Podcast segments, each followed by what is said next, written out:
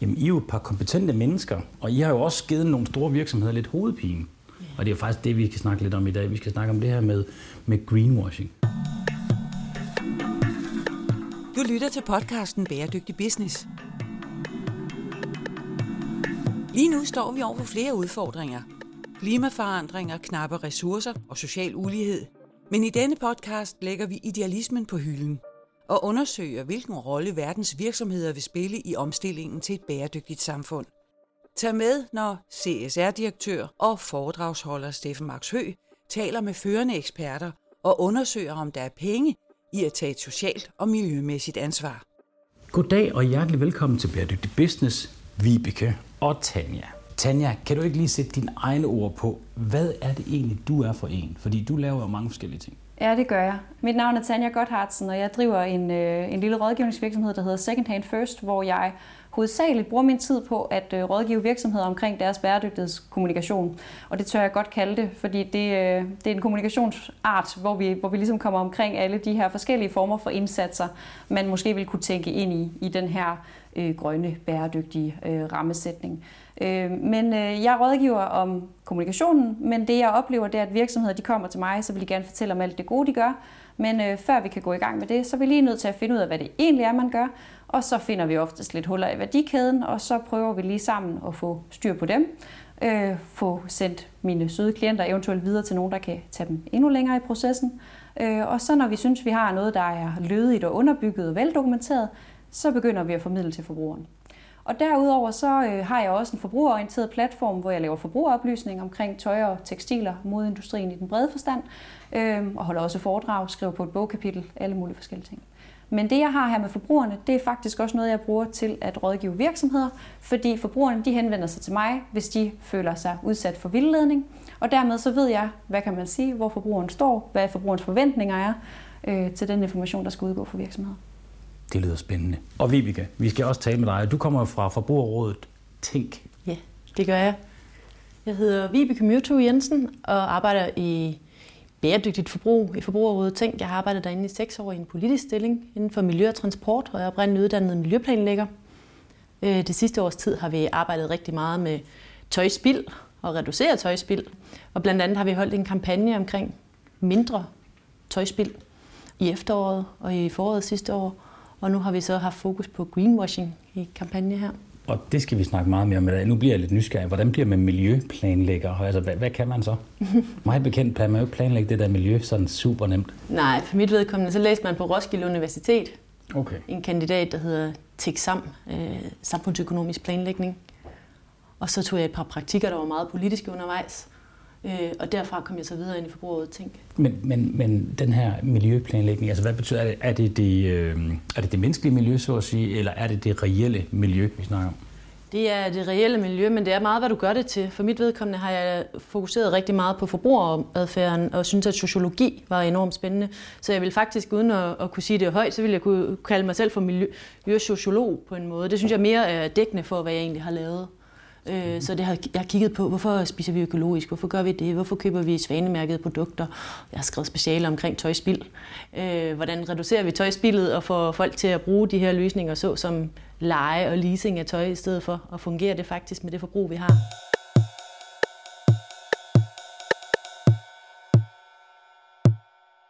Vi kunne måske starte med lige at definere, hvad er greenwashing? Jamen altså, det er som du siger, det er jo vildledende markedsføring, øh, miljømarkedsføring, der leder forbrugeren til at tro, at produktet er miljømæssigt og etisk bedre, end det er. Og man kan sige, at det her med at definere greenwashing er også noget, der er sket over flere årtier, hvor man måske i starten mente, at så var det udelukkende miljøpåstandene. Men efterhånden, som vi begyndte at tale mere om, også om bæredygtighed, så er der ligesom også sket noget med, med begrebet, fordi nu dækker det ligesom holistisk over, øh, hvad kan man sige, både de sociale og de miljømæssige parametre. Så der, er- der, er også, der er helt klart også definitionsmæssigt sket noget der. Tidligere der talte man om, om sådan øh, ethical washing for sig selv, mm. øh, men, øh, men nu er de under en og samme, og det giver egentlig rigtig god mening, når man også kigger på den markedsføringslov, vi har, øh, og de retningslinjer, der ligger for området, som vi også kommer til at snakke mere om. Ja, for det var faktisk det, jeg sådan lidt øh, knap så elegant, som du fik formuleret det, prøvede at komme ind på, at greenwashing er jo ikke kun et spørgsmål om miljø og klima. Nej. Det er også andre ting, ikke? Det er det. Og man kan også sige, at med, med den opblomstring, vi har set i sociale bevægelser det seneste år, så begynder der lige så stille også at være en fragmentering derunder. Fordi ethical washing, eller, eller hvad kan man sige, greenwashing af din, din sociale agenda, den kan jo være rigtig, det kan være rigtig mange forskellige ting. Det kan jo også være, om du er inkluderende og så videre. Ikke? Altså, så når en virksomhed gerne vil se ansvarlig ud, så er det jo, der er jo mange ting på beding lige pludselig. Ja, og, og noget af en af grundene til, at vi snakker meget om det her greenwashing, fordi det er jo vidderligt noget, et, et, et begreb, der florerer ekstremt mange steder lige nu. Mm-hmm. Det er vel nok også fordi, at der er rigtig mange virksomheder, som har opdaget, at der godt kan være en kommersiel gevinst i at være bæredygtig eller se bæredygtig ud. Det, man holder det op imod, det er så markedsføringsloven. Kan vi prøve at ramme den lidt ind? Hvad er det, markedsføringsloven siger i forhold til det her med, hvordan man må kommunikere om sin bæredygtighedsindsats? Altså det, der jo er i vores markedsføringslov, det, det er, at der står, at i relation til de her miljømæssige og etiske påstande, der må man ikke, man må ikke overdrive deres omfang. Og mange virksomheder underkender måske, hvad der ligger i det, fordi man mener, at man kan markedsføre sig som værende miljømæssigt ansvarlig eller miljømæssigt bæredygtig, hvis man har løst én ting i værdikæden. Men ser vi på markedsføringsloven, så ser den på produktet ud fra Brundtland-rapporten. Og det er jo, hvis man arbejder med det her, så ved man også, at det er så bred en betegnelse, at det også kan være svært at arbejde præcist under den rammesætning. Men det er Brundtland-rapporten, der ligger til grund for det, vi har i vores retningslinjer for miljømæssig markedsføring, etisk markedsføring. Og der står det, at, øh, at produktets både øh, klimamæssige, miljømæssige, sundhedsmæssige og sociale bæredygtighed skal være i orden, før man reelt set kan tale om bæredygtighed. Så der står den meget holistisk formuleret, og så er der også lagt vægt på, fordi den læner sig op i Brundtland-rapporten, at det er et livscyklusperspektiv, igen det der med ikke at være på bekostning af kommende generationer. Så man kan sige, at den er både ret løst defineret, men den kommer altså også med nogle gedigende krav til, at man skal have styr på X, Y, Z, og så skal man have det i hele produktets øh, livscyklus. Og man skal også lidt kunne forudse fremtiden. Markedsføringsloven den er jo til for dels, at forbrugerne ikke skal blive vildledt, når de er ude at handle. Det er den ene pointe, men den anden pointe er også, at den er også til for øh, at skabe lige konkurrence mellem virksomhederne. Fordi der er virksomheder, der gør det rigtig godt, og det kan ikke være rigtigt, at de mister deres kunder til dem, der overdriver et budskab. Under markedsføringsloven er der øh, en vejledning fra 2014, der ligesom lægger rammerne for, hvor langt man må gå omkring den miljømæssige og etiske markedsføring. Og det er den, Tanja også lige er inde på. Øhm, hvor det er, at der blandt andet, altså der er lige præcis ordet bæredygtighed. Det er måske det, der er mindst defineret i den her vejledning. Men der er uddybet, hvordan man kan komme med konkrete eller ukonkrete påstande. For eksempel kan du ikke bare sige, den her taske den er miljøvenlig. Du skal kunne dokumentere det, du skal kunne øh, redegøre for, at den er det fra, fra vugge til krav, det vil sige fra den helt bliver produceret til det er, at den bliver afskaffet i sidste ende, øh, efter at den har været brugt.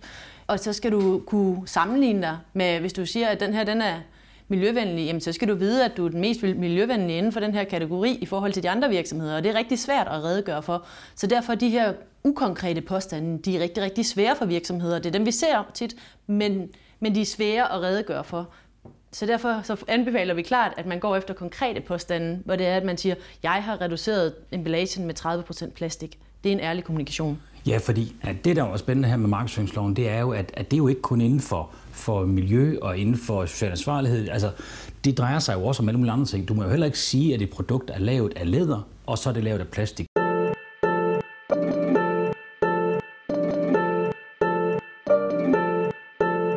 Det, der gør det så kompliceret her, er det ikke netop det, som I begge to er inde på, det er det her med, at bæredygtighed det er ret svært i praksis at definere.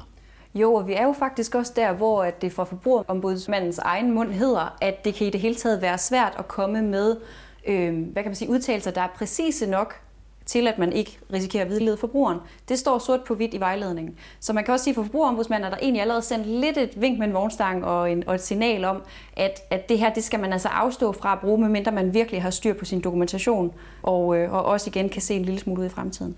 Altså jeg ser det meget i forhold til det her med at skulle kunne lave den her øh, livscyklusanalyse øh, af produktet, øh, hvis vi ser det i henhold til Brundtland-rapporten, som handler om, at det ikke må være på bekostning af næste generation. Ja, og livscyklusanalyse er jo det her med, at vi skal simpelthen vide, hvad er den samlede belastning på planeten af det her produkt. Præcis, og man kan også sige, at hvis et produkt bliver lavet til et langt brugsliv, ved vi præcis, hvordan end of life så kommer til at se ud. Så der er jo også nogle lidt udefinerede og lidt løse dimensioner i det som, øh, som man som virksomhed vil skulle tage højde for. Men der er jo certificeringer, som, som dækker øh, hvad kan man sige, øh, ja, vugge til grav øh, perspektivet, ja. øh, eller vugge til vugge, er der jo også noget, der hedder. Men det er jo super spændende, ikke? fordi vi ser jo rigtig meget i møbelbranchen, altså at der er utrolig mange, der siger, jamen vi har et bæredygtigt produkt, fordi vores design er noget, der kan bruges i generationer til generationer. Men pointen er jo, hvis folk de køber det, og køler det ud efter et år, og at det ikke bliver brugt, eller efter fem år, jamen så kan det da godt være, at det er designet til at holde rigtig lang tid, men det bliver bare ikke brugt i rigtig lang tid. Nej, det er det. Og hvis produktet så immer væk ikke bare bliver markedsført som værende bæredygtigt design, men værende bæredygtigt, så er der jo også en forventning om, at det skal være produceret ansvarligt. Og det er der rigtig mange virksomheder, som måske ikke lige får fanget, når de snakker om langtidsholdbarhed i bæredygtighedstermer. Og derfor, vi kan gribe du rigtig godt fat i det, hvor du siger, at, at I anbefaler fra Forbrugerrådet, tænk, at man så kommunikerer konkrete påstande. Så i stedet for at sige, at det her produkt det er bæredygtigt, så kan man sige, at vi har reduceret vandforbruget med 20 procent. Ja, lige præcis. Og det er jo dejligt, at det kan være så konkret, når man kan gøre det så konkret. Men, øh, men kan man altid gøre det så konkret? Jeg ved ikke, om man altid kan gøre det så konkret, men jeg vil gerne lige anfægte. Nu snakker I begge to, som om det er rigtig svært, det her. Det er faktisk ikke så svært. Man skal være ærlig omkring det, man gør. Mm. Og der er en vejledning. Den er godt nok lidt lang, men den er rigtig god, og den er rigtig grundig, og der står ret konkret til virksomhederne, hvad de må markedsføre og hvad de ikke må. Så der er ikke så meget at være i tvivl om, og hvis man er i tvivl, så kan man for eksempel også øh, trykprøve det på en nabo eller på, på nogle forbrugere og spørge, hvad forstår I, hvis det er, at det her møbel er bæredygtigt? øh, med det. Fordi det skal være faktisk, det, det, det du markedsfører, det skal også være det, forbrugerne forstår hele vejen igennem. Og apropos møbler, så havde jeg et interview om det i sidste uge, så jeg googlede lige bæredygtige møbler. Hold da op, det viste sig, at vi simpelthen ikke har andet i Danmark stort set. Det, det var helt vildt. Utroligt. Det var også en branche ud over tekstilbranchen, som vi har sat fokus på her, som man virkelig kunne tage fat i, øh, som jeg håber, at forbrugerombudsmanden ville have tid til at kigge på på et tidspunkt. Øh, fordi der var helt sikkert også øh, markedsføringsproblemer. Du lytter til podcasten Bæredygtig Business. Og det er jo rasende interessant, det her. Men, men, og, og det er egentlig ikke fordi, at jeg vil have øh, et stort fokus på, at det skal være svært. Men jeg kunne bare godt forestille mig, at der er helt klart virksomheder, som går ud meget kynisk og bare øh, siger alle mulige ting, at tingene de er bæredygtige, og uden at det har hold i virkeligheden. Og det skal vi også snakke om, og I har jo selv øh, været primus motor på et projekt, hvor fem øh, meget store virksomheder faktisk er blevet øh, anmeldt for at, øh, at ikke handle i overensstemmelse med markedsføringsloven. Men jeg kunne også bare godt tænke mig at få en lille smule fokus på alle de virksomheder, der sidder derude, som siger, jamen vi vil faktisk rigtig gerne fortælle, hvad vi gør, men vi er sgu lidt bange for, hvor meget vi må sige, fordi at, jamen altså, hvad er dit og hvad er datten for bæredygtighed, er jo det mest googlede ord om bæredygtighed, det er, hvad er bæredygtighed? Mm. Så der er jo en kæmpe tvivl om, hvad det er.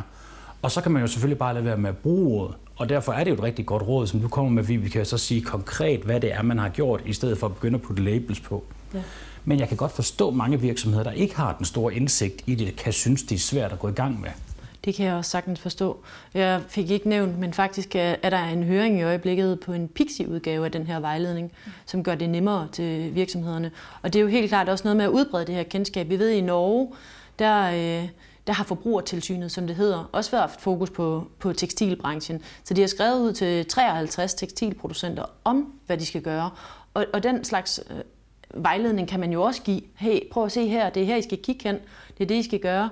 Man kan sige, det, det vi beder om med, med branchen, det er jo, at de er ærlige, og at de kan dokumentere det, de siger. Det er, som Tanja også siger, ud fra et helhedsperspektiv. Det kan også være, at det er navnet, bare navnet, der indikerer noget, men selvom det er, at produktet faktisk ikke indikerer. Det kan også være, at den første linje, de markedsfører, selvom de skriver nedenunder, hvad de gør, som bare giver det her forkerte helhedsindtryk. Så det skal være faktuelle udsagn, der kan dokumenteres. Det er det, der er rigtig vigtigt, når det er, at øh, de skal kunne efterprøves, og man skal ikke overdrive. Men kan man så overhovedet sige, at et stykke tøj er bæredygtigt? Det kommer an på, hvem du spørger, og hvad for en definition man bruger.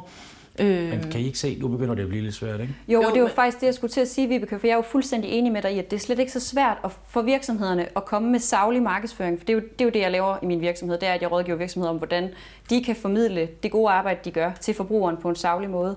Men faktum er, at hvis man vil bruge ordet bæredygtighed, så kommer man meget hurtigt i beknep, fordi vi mangler en operationel definition. Vi mangler en definition, der gør, at vi også, jeg tænker for de meget store virksomheder, hvis de virkelig skal kunne lægge øh, holistiske strategier for, hvordan man opnår øh, ikke bare det, der ligger i tråd med verdensmålene, men måske endda noget, der går endnu videre, jamen så har vi brug for noget, der er mere funktionelt. Fordi det, der er med Brundtland-rapportens definition, det er, at den er altså ikke særlig funktionel. Den er meget bred. Nej, og, og den definition, man tit hiver frem, det er, at yeah. bæredygtighed, det er, at de kommende generationer skal have de samme muligheder, som, som os, der er her lige nu. Og det er jo super fluffy. Det yeah. betyder, at der skal være isbjørn til dem, der skal være insekter til dem, og der skal være den samme temperatur på planeten. Og det ser ikke super positivt ud lige nu. Bortset fra det med isbjørnene, det er vi faktisk ved at få styr på, men altså... Vibeke. Ja, men det her ord bæredygtighed, jeg er med på, at det, det er svært, og det er heller ikke øh, helt konkret øh, formuleret i vejledningen. Jeg vil så sige, at efterfølgende har jeg for nylig set et citat fra forbrugerombudsmanden, hvor hun skriver, at ordet bæredygtig betyder, at produktet ikke belaster jorden eller bruger jordens ressourcer, så der er færre ressourcer tilbage til den næste generation. Skriver man bæredygtig, skal man kunne dokumentere, at man lever op til det. Og det tvivler jeg på, at der er ret mange producenter, der kan, siger forbrugerombudsmanden Christina Toftegård Nielsen. Og det betyder, oversat til almindelig dansk, lad være med at bruge ordet bæredygtig. Ja. Lad være med at sige, at dit produkt er bæredygtigt. Sig igen tilbage til, at jeg har reduceret emballagen med 30% plastik. Jeg har brugt økologisk bomuld i 50 procent af det her stykke tøj certificeret økologisk bomuld. Men lad være med at gøre tøjet til økologisk af den grund, hvis det er, at du kun har brugt noget af det. Men sig, hvad det er, du har brugt for nogle ingredienser. Sig, hvis du har en vision om, at i 2030 skal du være bruge mindre strøm, så sig det er det, du har som intention, i stedet for, at du er klimaneutral. Ja, fordi at der kan gå inflation i det ord bæredygtig. Er det ikke det, der er problemet? For ud fra den det definition, som vi lægger ind i show notes i podcasten, der er det jo, det er jo vanvittigt svært at leve op til. Og det er måske faktisk også det, vi skal hen til, at det der med bæredygtighed er faktisk ikke bare lige noget, man gør med to produkter, og så kører resten af virksomheden fuldstændig, som den altid har gjort. Nej, også fordi en poetaner som mig jo også vil sige, det handler også om, hvordan virksomheden fungerer internt. Ikke? Altså, snart siger man, at man driver bæredygtig virksomhed, så handler det jo også om meget mere end bare produktet. Og, og det synes jeg jo også er rigtig interessant, det der, fordi hvad gør vi så med det holistiske? Hvordan undgår vi, fordi ud fra det, du fortæller, vi, vi kan med fortælle, hvad man har gjort, det synes jeg faktisk er det bedste råd, man overhovedet kan give. Men hvad med de virksomheder, som rent faktisk har lyst til at arbejde mere holistisk? Jeg er med på, at nu bevæger vi os virkelig ind i noget, hvor nogle virksomheder kan påstå, at de er super holistiske, og derfor er de bæredygtige. Men, men hvordan gør vi med de virksomheder, der rent faktisk har lyst til at transformere hele deres forretningsmodel over imod en, en cirkulær forretning eksempelvis? Altså, der er vi jo så heldige rent faktisk, at øh, for uden mig, så har jeg jo masser af dygtige rådgivningskolleger, man kan tage fat i, som har forskellige specialiseringer. Vi har, øh, i forhold til mode tekstil, så ligger der jo også en hel øh, taskforce til grøn omstilling, øh, som kører nogle forskellige, og der kører også nogle forskellige programmer med fokus på cirkulær økonomi inden for mode tekstiler eksempelvis. Så man kan sige, at øh, hvis man sidder og tænker, nu vil man gerne i gang med det her, men ikke føler, man har værktøjerne, så tænker jeg da, at man skal have fat i nogen, som har været igennem processen adskillige gange før, ikke? og som også hvad kan man sige, har tiden til at sidde og holde styr på al den lovgivning også, der skal overholdes i relation til det her. Fordi selvom vi snakker om, at, der er, at det her det er meget fluffigt, så kommer vi heller ikke udenom, at nogle af hvad kan man sige, bæredygtighedens komponenter, hvis vi tager det sociale, jamen der ligger jo rent faktisk noget lovgivning. Der er lige blevet vedtaget noget due diligence lovgivning i EU, som vi skal se effektueret. Og det skal virksomheden jo også holde sig indenfor. Så det er ikke kun at finde ud af, hvordan man øh, sørger for at tale præcist om de indsatser, man har. Hvis man vil det her bæredygtighedsarbejde, og hvis man gerne vil forberede sig på fremtiden, så er man også nødt til at have fat i nogen, som øh, har tiden og ekspertisen til at holde øje. Virkelig en god pointe, og EU's nye taksonomi, som kommer ind, den vedlægger vi lige i podcasten, fordi det er nemlig rigtig interessant, hvad det er, ja. at de 50.000 største virksomheder i EU rent faktisk skal til at leve op til. Allerede fra næste år skal man til at rapportere om biodiversitet, og så bliver det altså rigtig svært at lave tøj. Ja. Men man skal selvfølgelig heller ikke gøre det svært. Det er et virkelig godt råd. Få fat i nogle folk, som ved, hvad de snakker om. Du kan ikke bare bruge det som undskyldning, at man ikke rigtig ved, hvordan man gør det, og bæredygtighed det er svært. Så må du jo udvikle den del af din forretning. Men så vil jeg da også godt lige have lov at tilføje til sidst, at der er jo eller ikke til allersidst, jeg vil godt have lov at tilføje, at der i høj grad også er virksomheder, som pynter sig med lånte fjer. Og nu har jeg jo været inde og kigge på, på de her fem virksomheder, som er blevet anmeldt for ikke at kommunikere i overensstemmelse med markedsføringsloven. Og det er forbruget Tænk, og det er af dig, Tanja. Og det er jo for det første meget, meget, meget veldokumenteret, jeres påstand. Det må man have lov at sige. Jeg tror, der sidder et par kommunikationsafdelinger derude, som helt klart har lidt at se til lige nu. Kan I ikke fortælle lidt om, for det første, hvordan kom jeres samarbejde i gang? Fordi at Forbrugerrådet Tænk samarbejder jo ikke med hvem som helst. Og øh, det her det er jo en privat virksomhed, som jo er rådgiver, og det er der jo ikke noget problem i at få fortalt. Hvordan hænger det samarbejde sammen? Det startede ret skønt med, at øh, en af de kommunikationsansatte inde hos Forbrugerrådet Tænk har læst med på den forbrugerrettede platform, som jeg har, øh, hvor jeg er flere omgange, fordi jeg modtager rigtig mange beskeder fra forbrugere faktisk dagligt. Du er en populær kvinde på Instagram, og det handler rigtig meget om tekstil og mode. Ja. Og den vej igennem får du en masse indspark. Er det rigtigt? Det gør jeg. Det, det gør jeg. Øhm, mit fokus er i høj grad på at bedrive noget lødig forbrugeroplysning omkring det her område. Og det har jeg jo så valgt at bruge Instagram til, af den simple grund, at det er en platform, der bliver shoppet utrolig meget fra. Der bliver både solgt rigtig mange produkter, og der bliver øh, drømt utrolig mange drømme på Instagram. Men øh, det vil jeg rigtig gerne være med til at øh, skabe lidt disruption omkring så man i hvert fald som forbruger gør det på et øh, oplyst grundlag i relation til, til tøj og tekstil. Dejlig modvægt til alt det, der er på Instagram, vil jeg sige. Så det er da også godt, det bliver brugt til noget fornuftigt, for der er også mange kvinder, der får det dårligt af, og, eller unge kvinder, nu tænker jeg specifikt på min datter, i forhold til det her mode og billede. Så det er dejligt, at Instagram også kan blive brugt til noget fornuftigt. Kan du ikke fortælle lidt mere om, hvordan det er, du har samlet al den her viden? For det er jo ret grundlæggende for, hvordan det her det er at kunne lade sig gøre. Jo, helt klart. Altså, øh, der er forbrugere, der skriver til mig dagligt, hvis de ser noget, som de ikke helt kan være sikre på. Og nogle gange så er der faktisk ikke tale om greenwashing, så er det bare et dårlig kommunikation. Man kan også sige, på den, på den måde kan der være flere forskellige ting i det her, ikke også? Men, men forbrugerne, de skriver til mig, hvis de har spottet noget, som, der, som gør dem i tvivl om, hvorvidt de bliver taget ved næsen eller ej. Og øh, så har jeg så i flere omgange været ved at indsamle lidt øh, testimonials fra dem, øh, lidt statements fra dem, og så var jeg rent faktisk ved at lave oplægget til en større anmeldelse, som jeg vil opfordre øh, mine læsere, søde læsere og følgere, til at sende ind sammen med mig, hvis de synes, at, øh, at det var noget, de ville øh, hvad kan man sige, tage del i. Fordi min mission handler faktisk også om at få fortalt alle de her skønne unge kvinder, at de er jo ikke bare forbrugere, de er også borgere, og de har også en magt, der ligger ud over deres pengepunkt. Så for mig har det jo handlet om, at jeg ville øh, gerne give dem lidt blod på tanden i forhold til at være en del af en aktiv forbrugerbevægelse også. Øh, og så øh, har kære Christina fra Forbrugerrådet tænkt, hun har øh, så fulgt med, og så spurgte hun, om ikke vi skulle tale sammen. så øh, på den måde ikke, så øh, mødes verdener. Virkelig også et godt match. Ja, min historie starter måske faktisk lidt før ja. Tanjas, tænker jeg. Øh, helt tilbage, så, så har vi i forbruget tænkt de sidste to-tre år begyndt at have mere fokus på tøj. Og vi fandt ud af, at vi ville gerne sætte, sætte en dagsorden på det her. Skulle vi sætte den så på mindre tøjspil, eller skulle vi sætte den på greenwashing? Og det begyndte vi at overveje allerede i 2018 eller 19, om det skulle være greenwashing. Øh, men på daværende tidspunkt vurderede vi, at, at der var simpelthen så lang vej for, for den her branche til at komme til noget, der bare mindede om bæredygtigt. Så, så vi ville lige lade dem få fodfæste i første omgang, og så ville vi gå efter mere af den her overproduktionsdagsorden, der var. Øh, så det landede vores kampagne på. Øh, og det var så den, vi havde både i foråret 2020 og i efteråret 2020.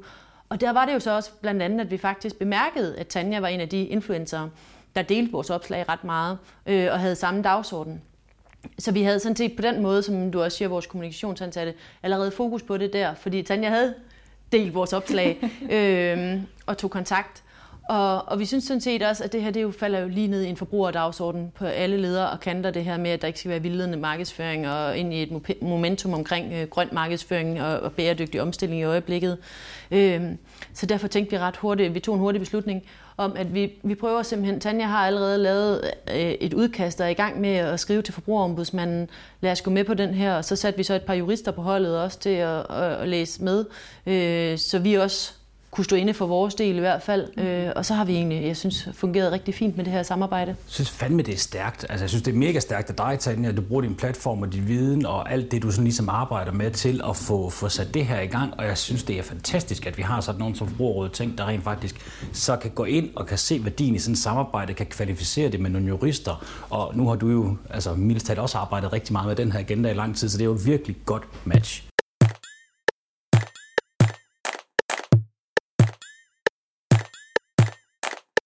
Men hvad er så ligesom, øh, hvis vi sådan skulle lige skitsere sagen? Altså, det er jo blevet til fem virksomheder, fem online platforme, som sælger tøj.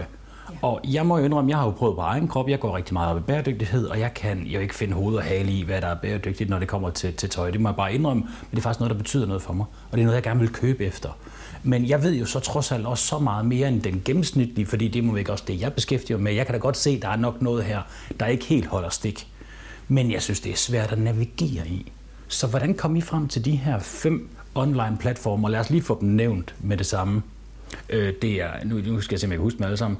Men heller, lige den her opremsning har man ikke lyst til at sige forkerte navn, kan man sige, vel? Men det er Zalando, og det er Boost, og det er StylePit. Minto. Minto. Og The Founded. Og The Founded, ja, dem kender jeg slet ikke. Jeg... Nej, The Founded, det er, når du går ind på bestsellers hjemmeside, så bliver du sendt videre på The Founded. Okay, men man kan i hvert fald godt sige, at det er jo ikke små virksomheder, der ligger og roder i det subtile.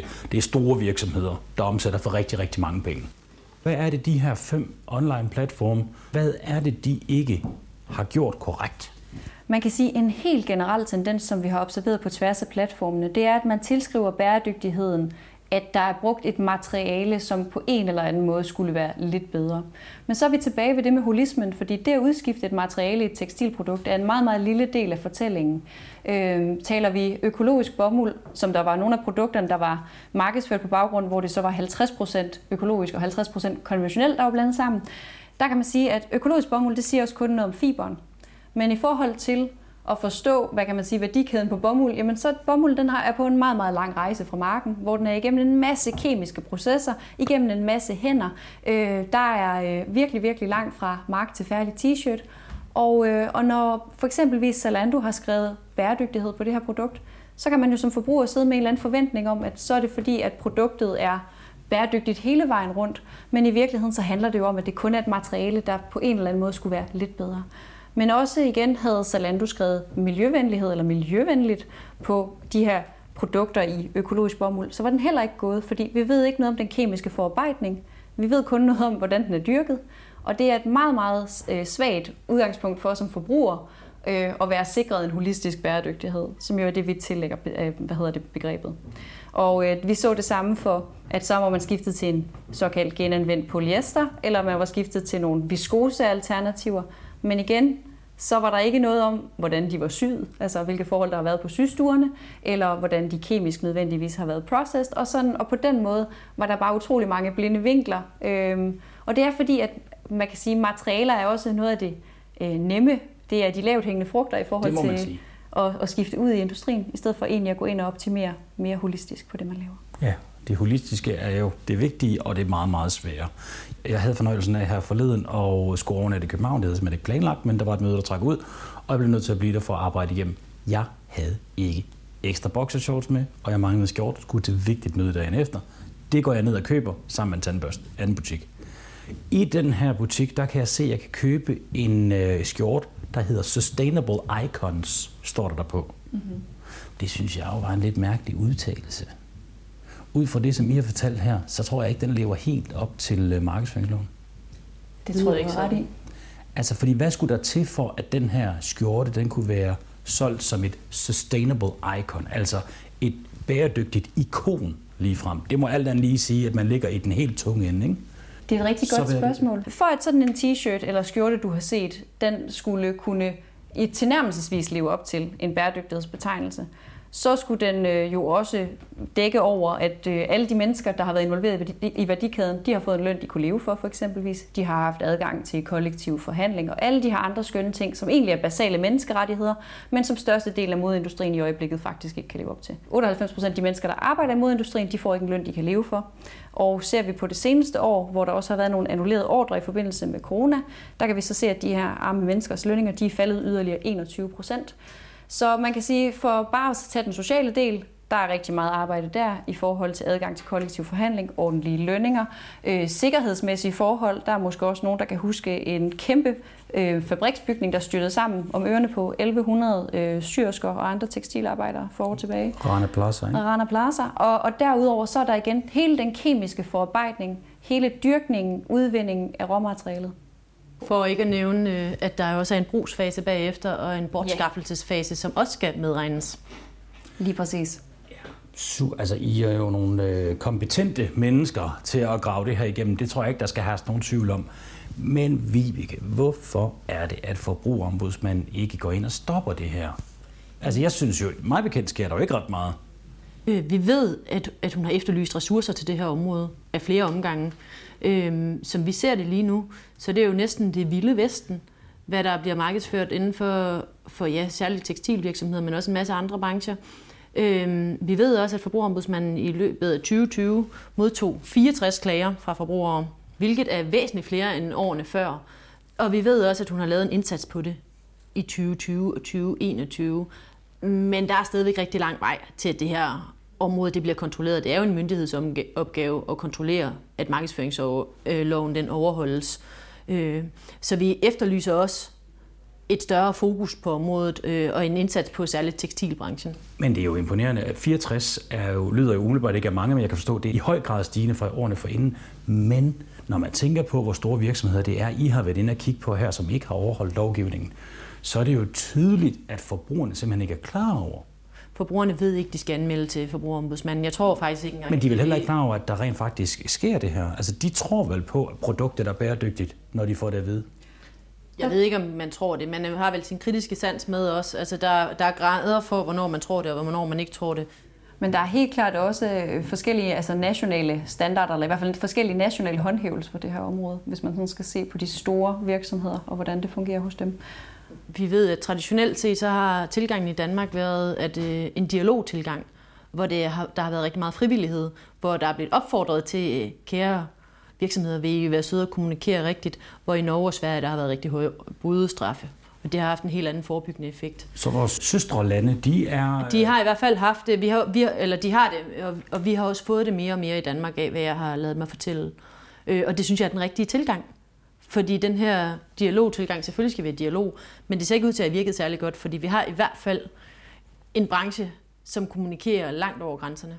Der skal nok lidt mere end bare en dialog til, for det, det stopper. Det tror jeg godt, vi kan være enige om. Men også på forbrugersiden. Nu siger du også det her med øh, i forhold til, om, om alle forbrugerne bare har troet på det. Og der tror jeg desværre, der er en dimension, der hedder, at man gerne vil tro på det, fordi hele det her spørgsmål om omstilling, og det her spørgsmål om også til en grad at skulle reducere sit forbrug, kan være noget, der for mange er sådan rent idealistisk, så kan man slutte op om det. Men så er der også alle de her identitetsprocesser i forbindelse med for eksempel tøj, der kan gøre, at det er utrolig svært at stå af det her godstog, der bare brager afsted med nye trends. Så måske er der også en dimension, der hedder, at man, øh, man vil så gerne tro på det, at man ikke rigtig får udfordret præmissen. Du lytter til podcasten Bæredygtig Business. Og I mener ikke, at det er uvidenhed, at de kommer til at kommunikere omkring bæredygtighed på den her måde? Jeg tror, der er rigtig mange uheld for de mindre virksomheder. Det kan selvfølgelig også godt ske for de større, men det er klart, at der, der er simpelthen den her uvidenhed, som vi selv er inde på, og der sidder jo nogle marketingsfolk, der, har, der er godt er klar over, at søgeord det er bæredygtighed, også fra forbrugernes side. Så derfor så kommer det jo med, men skal bruges på en anden måde.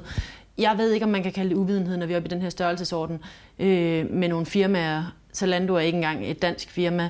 Øh, vi er oppe i nogen, der har så stor både juridisk bistand og kommunikationsafdeling, at de burde have styr på den her dagsorden. Og det er simpelthen ikke fair over for de mindre virksomheder, at de kommer og, og overdriver deres budskaber så meget og henter kunder på den måde. Det er et godt argument, for det går jo faktisk ud over nogle andre virksomheder, og det er vel heller ikke en undskyldning uvidenhed i den her kaliber. Altså, Nej, det for det. jeg skulle lige til at sige, hvad hedder det, Steffen, at når, for mig så handler det her også utrolig meget omkring hvad kan man sige, individuelt versus øh, strukturelt ansvar. Og når virksomheder de er så store som de her, så er vi altså oppe i at tale strukturelt ansvar. Også fordi jeg jo også blandt klienter kan se, at små virksomheder kigger også på de store og ser, hvad de gør. Så når de skal til at forme deres markedsføring, jamen så kvæg, at man ikke har råd til øh, juridisk bistand eller en hel kommunikationsafdeling, så ser man, hvordan foregår det der? Okay, så er det måske sådan, vi også skal gøre. Så jeg synes jo helt klart, at øh, om det er uvidenhed eller ej, så når man er så stor en spiller på markedet, så står man også på mål for et strukturelt ansvar.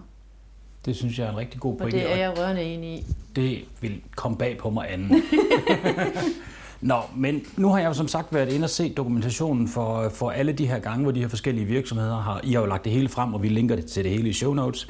Hvordan griber man det an i sådan en situation som det her? Hvad er det hvad er konkret det første, I gjorde? Kan I ikke prøve sådan rent praktisk at tage os lidt med igennem øh, den her rejse? I sad vel og travlede alle deres hjemmesider igennem og så alle deres budskaber.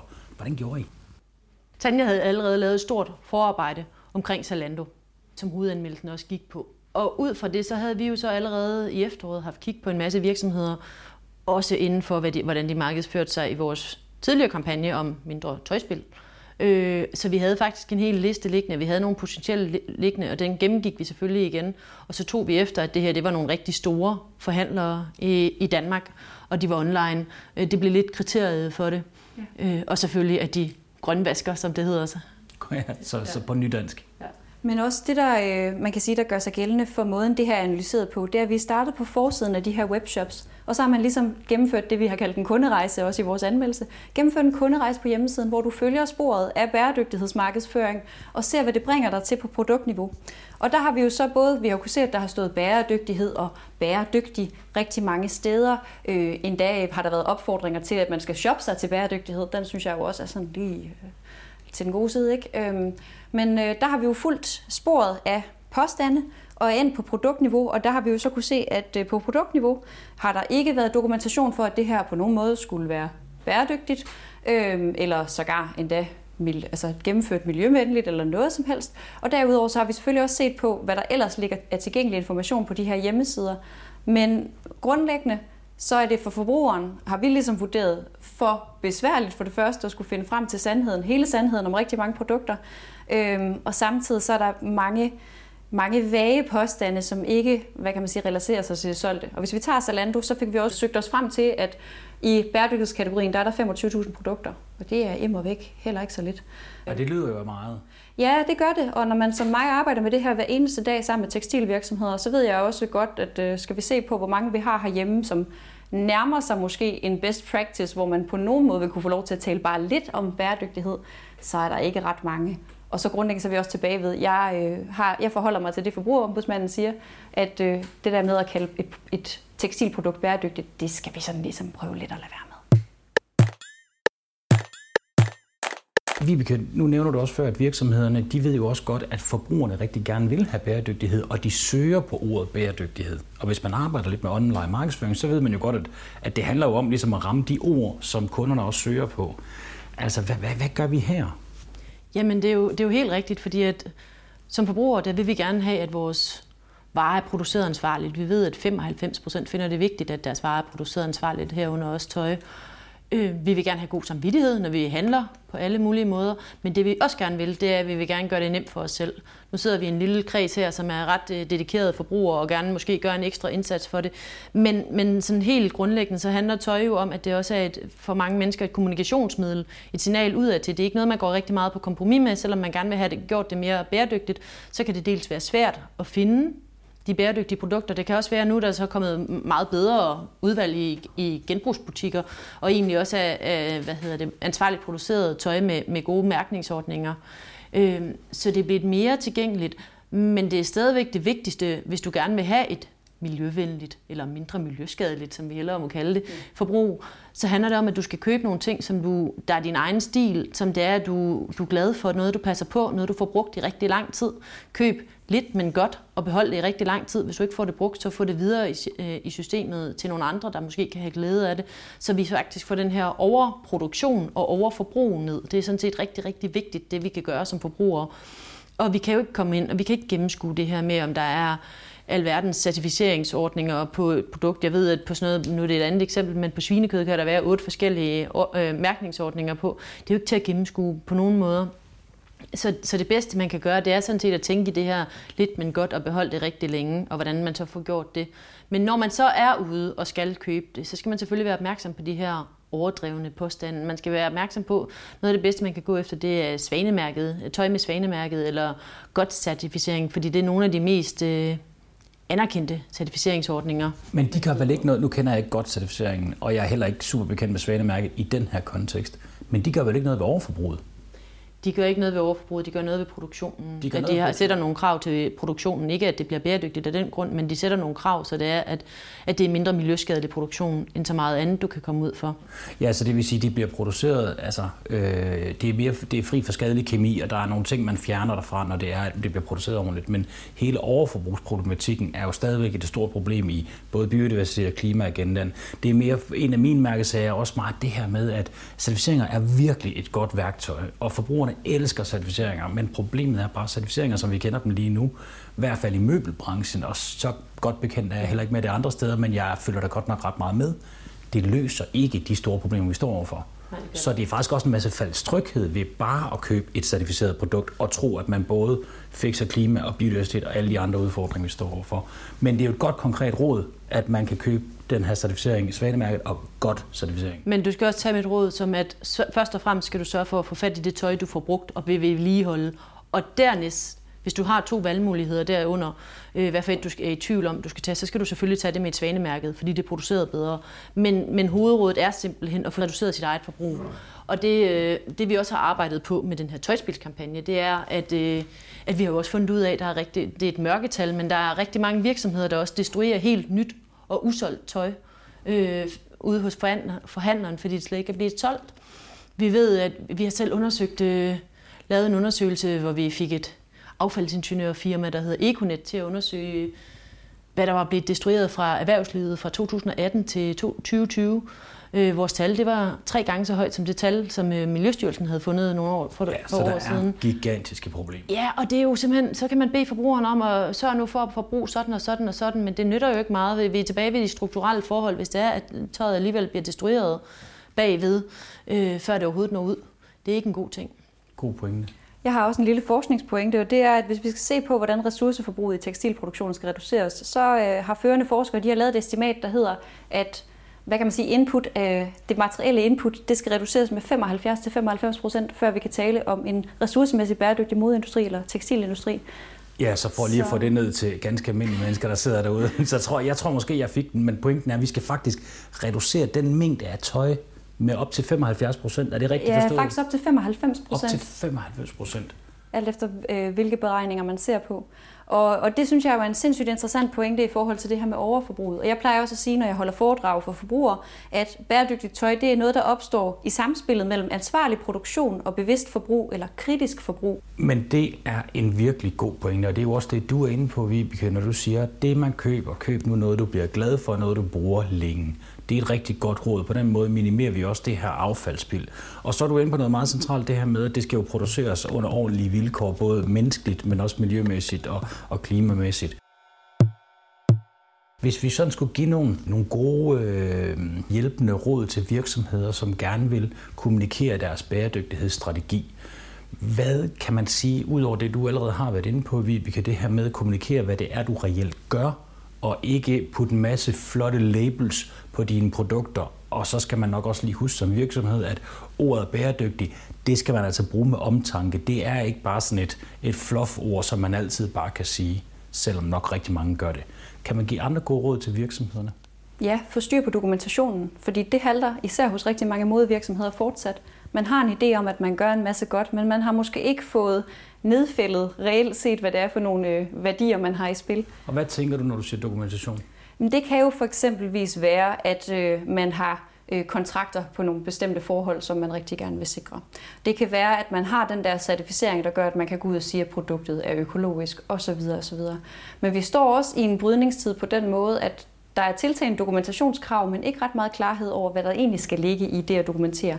Fordi som det ser ud nu, så kan dokumentation, det kan også være, at man har en politik, men det at have en politik betyder jo ikke nødvendigvis, at den bliver håndhævet. Så på den måde, så står vi også lidt i et, øh, et dødvande på den måde. Men ingen tvivl om, at man som virksomhed skal dække sin ryg af, sørge for, at man får formuleret de relevante politikker for det, man arbejder med, og der, hvor det er muligt at få en uvildig tredjepart ind og, og kvittere eller garantere for en, øh, der vil jeg da mene, at, øh, at der er god værdi i at gøre det. Også fordi, hvis der er noget, vi skal sige om tredjepartscertificeringerne, så er det, at de har en ret stor værdi for forbrugeren, fordi de forsimpler noget, der er utrolig komplekst. Ja, og Vibeke? Øh, for et par år siden, før coronaen, der arbejder jeg jo også med rejseområdet. Øh, der så vi, vi fik rigtig mange henvendelser om klimakompensation, hvor det var, at flyselskaberne pludselig, du kan simpelthen blive klimapositiv af at komme ud og flyve, og det, det opstår så ved, at man har købt, flyselskaberne har købt kompensation i forskellige projekter rundt omkring. Det kan være træplantningsprojekter, det kan være forskellige ting. Skovbevaring, alverden. Præcis, præcis. Og det viser sig, at i 8 ud af 10 tilfælde, så har de her projekter i bedste fald ikke nogen effekt. Det vil sige, at de kan næsten gøre mere skade, skade end de kan gøre gavn. Og, og mit råd til virksomhederne i den relation, det er, prøv lige at kigge ind i egne rækker, i stedet for at købe det her. Og det, faktisk så har jeg lige snakket med en tøjvirksomhed, der også fortalt, at vores konkurrenter, de, bruger, de, har slet ikke, de vil slet ikke kunne vise jer, øh, at de har brugt pengene på det her øh, klimakompensation, selvom de skriver det. Men, men det der er råd, det er at kigge ind i sin egen forretning. Hvordan kan jeg reducere de her udledninger? Hvordan kan jeg gøre det bedre? I stedet for at købe det i et eller andet projekt, der er tvivlsomt, selvom der er nogen, der er bedre end andre. Men hvis man køber det i et projekt, altså at man laver skovrejsning i et projekt, der er legitimt, og man reducerer sin CO2-udledning, hvad synes du så om det? Jeg synes, man primært skal sørge for at, at hvad hedder det, få reduceret internt. Om man så køber noget kompensation ved siden af, så skal det i hvert fald være en mindre del af det. Øh, det er særligt, hvis det er, at en virksomhed går efter betegnelsen klimaneutral, at det er relevant, selvom mm. vi ikke bryder os om den betegnelse på nogen Ja, fordi problemet er jo, hvis man går ind og siger, at man er klimaneutral, og at man begynder at postulere det på baggrund af, at man har kompenseret det hele, og man ja. kører business as usual. Ja. Men der er jo intet, der taler imod, at man reducerer så meget man kan, og man også kompenserer resten af vejen.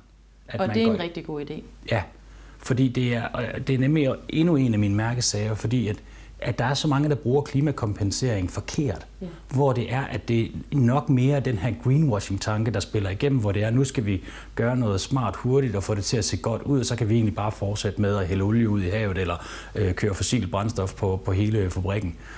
Men hvis man vel og mærke gør, hvad man kan for at reducere, men man samtidig indbygger løsninger, hvor man bevarer skov, som for eksempel Velux har gjort, eller at man planter skove, så er det jo en meget, meget legitim måde at rent faktisk gøre noget, ikke mindst for klimaet, men i høj grad også for biodiversiteten. Men vi er jo igen tilbage til det her med kompleksiteten, ikke? hvor det er, at hvis du gør tingene rigtigt, jamen så er det sådan set fint nok. Men hvis man ikke gør det rigtigt, så kan man vel egentlig dreje alting over til noget negativt. Og det er vel derfor, den der dokumentationsdel er så vigtig. Det er den, og så er der selvfølgelig også, hvordan man bruger dokumentationen, fordi nu meget apropos øh, klimakompensation og hvad der ellers er af, begreber for det, øh, så har jeg også set modvirksomheder, der begynder at for, fortælle, hvad de mener, de har sparet ved at producere et produkt på en bestemt måde. Og der vil jeg jo mene, at det stadigvæk koster vores miljø noget, at øh, de her bukser og t-shirts bliver sat i verden. Så der ligger jo også helt klart noget der i vores øh, forståelse af, hvad der er legitimt. Øhm, så for virksomheder, vær nu ærlige om, hvad produktet koster, i stedet for at prøve at markedsføre det som værende øh, mere øh, klimagratis end, øh, end andre produkter. Og så er der altså også det, når vi taler igen tøj og tekstiler, det er, at øh, de værdier, som man taster ind i de her livscyklusanalyser, de er ikke altid super præcise. Nogle af dem er håbløst forældede. Og så kan man sige, men hvad er det så for et sammenligningsgrundlag, man har? Og så er vi tilbage ved den falske markedsføring, eller vildledende markedsføring. Ja, kender du konkurrentens? Præcis, og kender man reelt set konkurrencen. Hvad er det for en generisk t-shirt, man forestiller sig, man kan skabe, som man sammenligner sig op imod?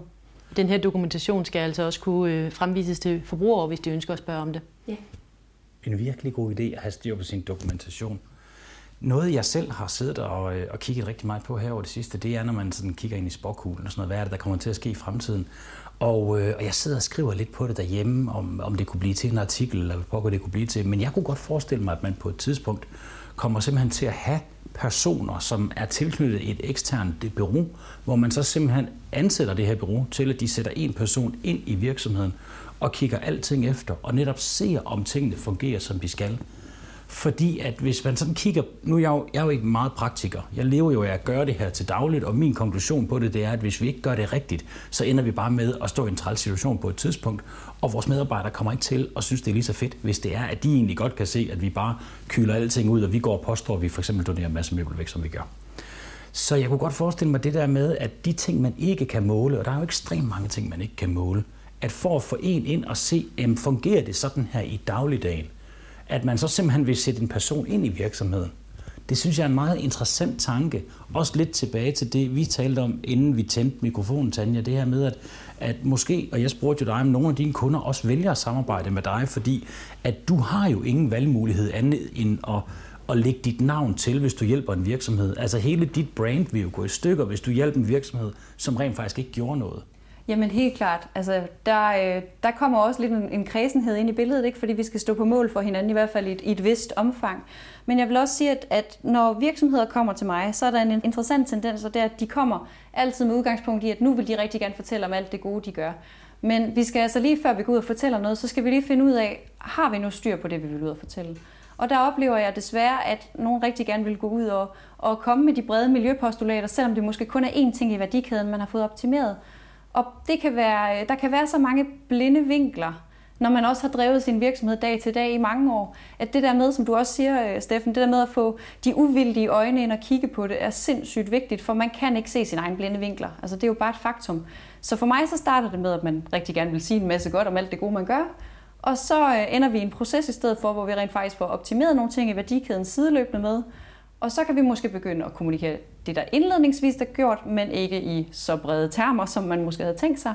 Og lige så stille kan vi så bruge det til også at køre et parløb, hvor vi får virksomheden altså op to scratch. Jeg tror, det er helt fair at sige, at rigtig mange virksomheder betragter ord som miljøvenlig, klima, øh, bæredygtighed, altså at det er lidt frit territorie. Det kan man kaste ind, som man har lyst til, afhængig af, hvordan det er, den der artikel lige skal frames. Det er en mere salgsstrategi. Det er jo desværre det, vi er blevet reduceret til, ikke? Eller det er det, det er blevet reduceret til i øjeblikket. Det er en mere salgsstrategi. Men en ting, jeg også selv har lagt mærke til rigtig meget, det er faktisk, at øh, nu i, proces med, jeg har skrevet, øh, jeg har været i gang med at skrive den her bog, hvor jeg så, så sender man jo et manus ind, og så sidder der en redaktør og skriver det igennem. Og så har jeg jo nøje udvalgt ord, som jeg skal skrive i artiklen, hvor hun så har ændret ordene. Fordi der er den her redaktør, simpelthen ikke ved nok om bæredygtighed til at sige, at det lyder altså bedre, hvis vi lige siger miljø her, så siger vi bæredygtig her. Stop, stop, stop, stop, stop. Nu, nu laver du lort i det hele, ikke? Hun har reddet rigtig mange gode ting, men, men, men så kommer der noget ballade. Og, øh, og der tror jeg egentlig også, mange virksomheder er, men det har vi jo fået etableret, det er ikke en undskyldning ikke at have viden omkring det. Men vi, vi kan sådan set fra forbrugerrådet Tings øh, perspektiv, er det altid så nemt? Er det altid så sort-hvidt, hvad man må og hvad man ikke må? Fordi som sagt, jeg er jo praktikeren, hvor, og jeg vil gerne være repræsentant for virksomheder, som rent faktisk gerne vil gøre det godt, men som altså, man skal lidt prøve sig frem, og man prøver lige sådan, altså, det er ikke alle, der lige kan købe en ekstern konsulent, og lige få dem til at gennemgå virksomheder og sådan noget. Altså, er der ikke også en grænse for noget prøveland, så at sige? Jo, nu er det jo ikke mig, der driver virksomheden, så jeg ved jo reelt ikke, hvor svært eller nemt det er, kan man sige. Men jeg ved, at det, man skal gøre, det er, at man skal være ærlig om det, man gør. Og det synes jeg ikke lyder så svært, og der ligger det, hele den her vejledning klar. Det er bare, at, at, og der kommer faktisk en pixie-udgave. Så det handler om at kunne tage fat i det. Så er der de her gråzoner. Jamen, hvis du er i en gråzone, hvis du er i tvivl, om du kan kalde dit produkt bæredygtigt, så lad være. Så skriv, at det måske er mindre miljøbelastende end andre produkter inden for den her kategori, hvis du kan dokumentere det. Jeg er helt med på, at der er sikkert en masse gråzoner, der er svære. Men, men uanset om de er svære eller ej, så skal man overholde den her lovgivning. Og der er faktisk også, nu var Tanja lidt inde på det før, men vi ser jo også rigtig mange virksomheder, der, der fremhæver den simple lovgivning. For eksempel er der en lovgivning, der hedder REACH, der er, der er med til at sætte grænser for, hvad for nogle kemikalier tøjet må indeholde. Det er jo lovpligtigt. Det er lovpligtigt. Det er jo for eksempel ikke det, man skal gå ud og markedsføre. Men det kræver selvfølgelig, som I er inde på, at man sætter sig ind i det her ting, og der lyder det jo rigtig smart at tage en rådgiver ind. Jeg tror roligt, vi kan konkludere, at der er plads til forbedring i hvert fald. Og så vil jeg sige tusind tak, fordi I begge to har været med i dag. Jeg synes, det var rigtig, rigtig spændende, og det her det er helt sikkert ikke et tema, vi får lukket med jeres øh, anmeldelse af de her fem virksomheder eller den her podcast. Det kunne altså være rart, det var et tema, man ligesom fik uddebatteret, men det er nok en ongoing proces. Tusind tak, fordi I vil være med. Selv tak.